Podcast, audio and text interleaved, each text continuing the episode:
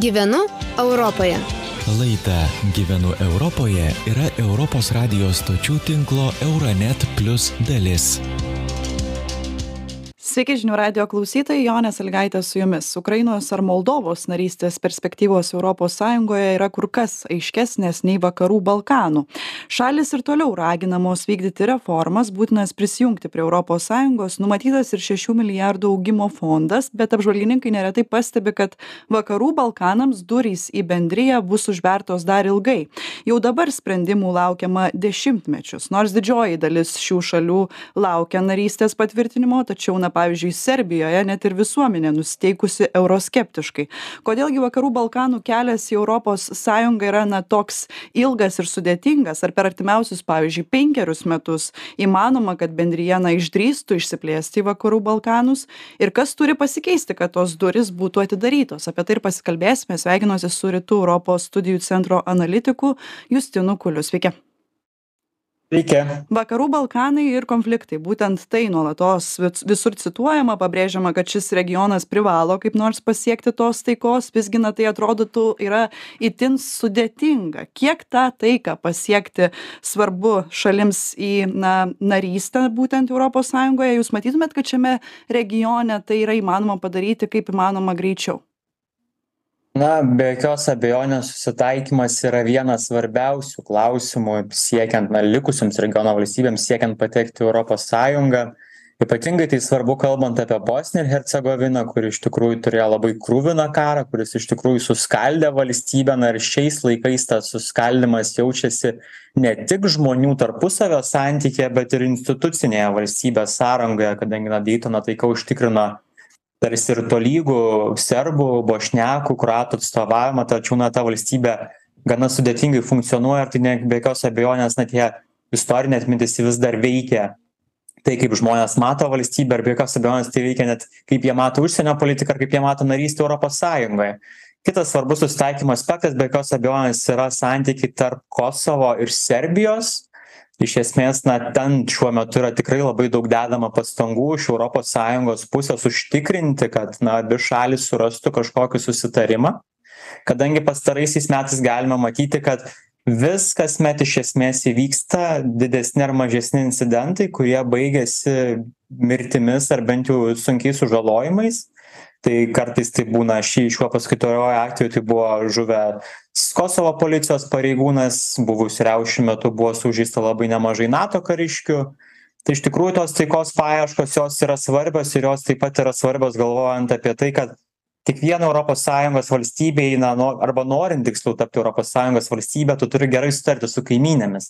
Ir natūralu kad vienas iš esminių aspektų yra vien vienodai suprast istoriją. Ir kaip šiuo metu galime matyti štai pavyzdžiui šiaurės makedonija jau gana ilgą laiką yra įstrigusi konflikte dvišaliame su bulgarija.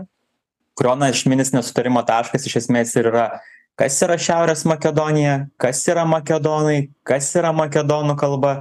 Tai yra be galo sudėtingi klausimai kadangi jie iš esmės liečia makedonų tautinį identitetą. Tačiau na šiuo metu jie yra iš esmės patys svarbiausi šiaurės makedonijai siekiant judėti narystės europos sąjungos link. Tai istorinė atmintis ir susitaikymas be jokios abejonės yra labai labai svarbūs veiksniai kurie na ir paveiks kaip kai kurios regiono šalys greitai ir lėtai integruosis į europos sąjungą. Nepaisant to to kad kai kurioms iš jų tai albanijai šiaurės makedonijai juodkalnijai taip pat jau pavyko stoti į nato.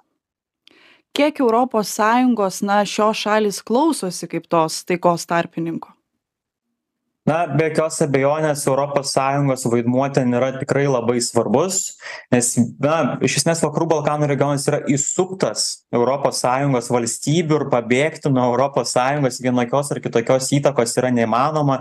Ir europos sąjunga nepaisant to na kad tos šalys kartais galbūt ir užsienio politikoje šiek tiek nukrypsta ar tai rusijos ar tai kinijos pusė tačiau europos sąjunga vis tiek regione išlieka pačiu svarbiausiu žaidėju tiek kai kalbam apie ekonomiką apie infrastruktūros vystymą apie kultūrinius ryšius europos sąjungos svarba ten yra didelė ir be jokios abejonės na visos valstybės anksčiau ar vėliau savo strategijose yra nusimačiusios na strateginiuose dokumentuose tikslą judėti europos sąjungos link arba na būti europos sąjungos dalimi. Tai be jokios abejonės europos sąjungos mediacija sprendžiant klausimus yra labai svarbi. Na ir aišku kiekvienai šaliai kaip visada yra galbūt viena ar kita konkreti europos sąjungos valstybė kuri galbūt labiau galėtų padėti medijuojant ir užtikrinant tam tikrus klausimus ypatingai jeigu kyla tam tikrų dvišalių nesutarimų be konfliktų ką yra būtina taip pat dar išspręsti vakarų balkanams na kad tas judėjimas bent jau iki tos europos sąjungos vyktų kaip įmanoma sparčiau? Na institucinės reformos. Tai yra turbūt pats svarbiausias dalykas uždaryti tuos trisdešimt plius derybų skyrių su europos sąjunga yra tikrai labai sudėtinga misija. Štai pavyzdžiui juodkalnija derasi jeigu gerai pamenu nuo du tūkstančiai keturioliktųjų metų ir yra iš trisdešim trijų derybų skyrių uždariusi tris yra teko matyti ir įvairių skaičiavimų kad na jeigu toliau derybos judės tokiu tempu tai kai kurios šalys įstos po keturiasdešim kai kurios po šešiasdešimt metų. Tai pačioms vakarų balkanų valstybėms yra iš tikrųjų be galo svarbu daryti tas institucines reformas ir judėti kadangi dalis jų yra tikrai nepopuliarios ir toli gražu ne visose šalyse yra politiniai lyderiai kurie būtų linkę prisiimti tą riziką ir daryti nepopuliarias reformas kurios yra svarbios narystei europos sąjungoje na ir iš kitos pusės labai svarbu kad europos sąjunga na duotų ir papildomą paskatinimą valstybėms kurios vis dėlto tas reformas vykdo. Ir čia vėl galima atsisukti šiaurės makedonijos atveju valstybė iš tikrųjų stengiasi darė reformas. Na ir jinai šiuo metu yra įstrigusi narystės klausimu dėl nesutarimų su bulgarija kurie na iš tikrųjų niekaip nėra tos visos plėtros politikos ar plėtros programos dalis. Iš esmės tai yra tiesiog nedidelė dalis geros kaimynystės santykių. Ir tas būtent dvišalių santykių nesutapimas šiuo metu šiek tiek turbūt irgi mažina paskatas valstybėje daryti reformas kadangi na akivaizdu kad tu gali daryti reformas bet štai kažkas ateis iš sąjungos narių pasakys ne ir iš esmės procesas sustos. Tai tai turėtų būt toks dvipusis dalykas turėtų būti nutrauktas tas toks iki šiol ekspertai kartais vadina tai anekdotinė situacija kad vakarai imituoja kad integruos vakarų balkanų valstybes o vakarų balkanų valstybės imituoja e, reformas. Tai iš esmės tas procesas turėtų būti pakeistas nutrauktas ir na vakarų balkanų šalys iš tikrųjų turėtų labai rimtai žiūrėti į reformas ir vykdyti institucines reformas reikalingas tapti europos sąjungos narėmis. Ir iš kitos pusės europos sąjunga tikrai turėtų labai rimtai žiūrėti tai ir na arba šiek tiek galbūt sudrausminti valstybes kurios nedaro pažangos bet atvirkščiai galbūt tolsta nuo europos sąjungos ir tuo pačiu metu ieškoti būdų paskatinti valstybes kurios iš tikrųjų stengiasi daro reformas ir tikrai labai nori judėti narystės link kiek euroskeptiškumas kiša čia koją nes kartais susidaro įspūdis galbūt galbūt tai būtent ir yra na ta pagrindinė priežastis dėl ko nėra tos politinės valios sparčiau judėti. Aišku čia turbūt lietuvoje kiek labiau linksniuojamas serbijos pavyzdys dėl jo atrodytų na visiems kaip ir aišku kad ten tikrai būtų sudėtinga kol kas bent jau kol nepasikeitė šalies lyderiai e, siekti to europos sąjungos na narystės. Bet kaip dėl kitų šalių? Aš įsivaizduoju kad negalima čia visur dėt lygybės ženklo ir yra labai skirtingų situacijų bet ar tas euroskeptiškumas žaidžia?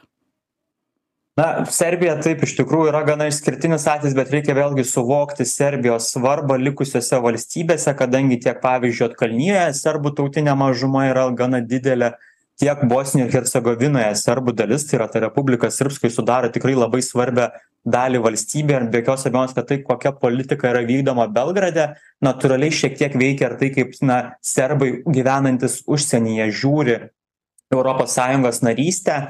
Be jokios abejonės regione tikrai yra nemažai iššūkių susiduriant su tam tikra na nedraugiška dezinformacija propaganda kai kurie politiniai elitai patys savaime galbūt kartais na yra nelabai provakarietiški ir irgi stengiasi formuoti naratyvus kurie yra labiau euroskeptiški.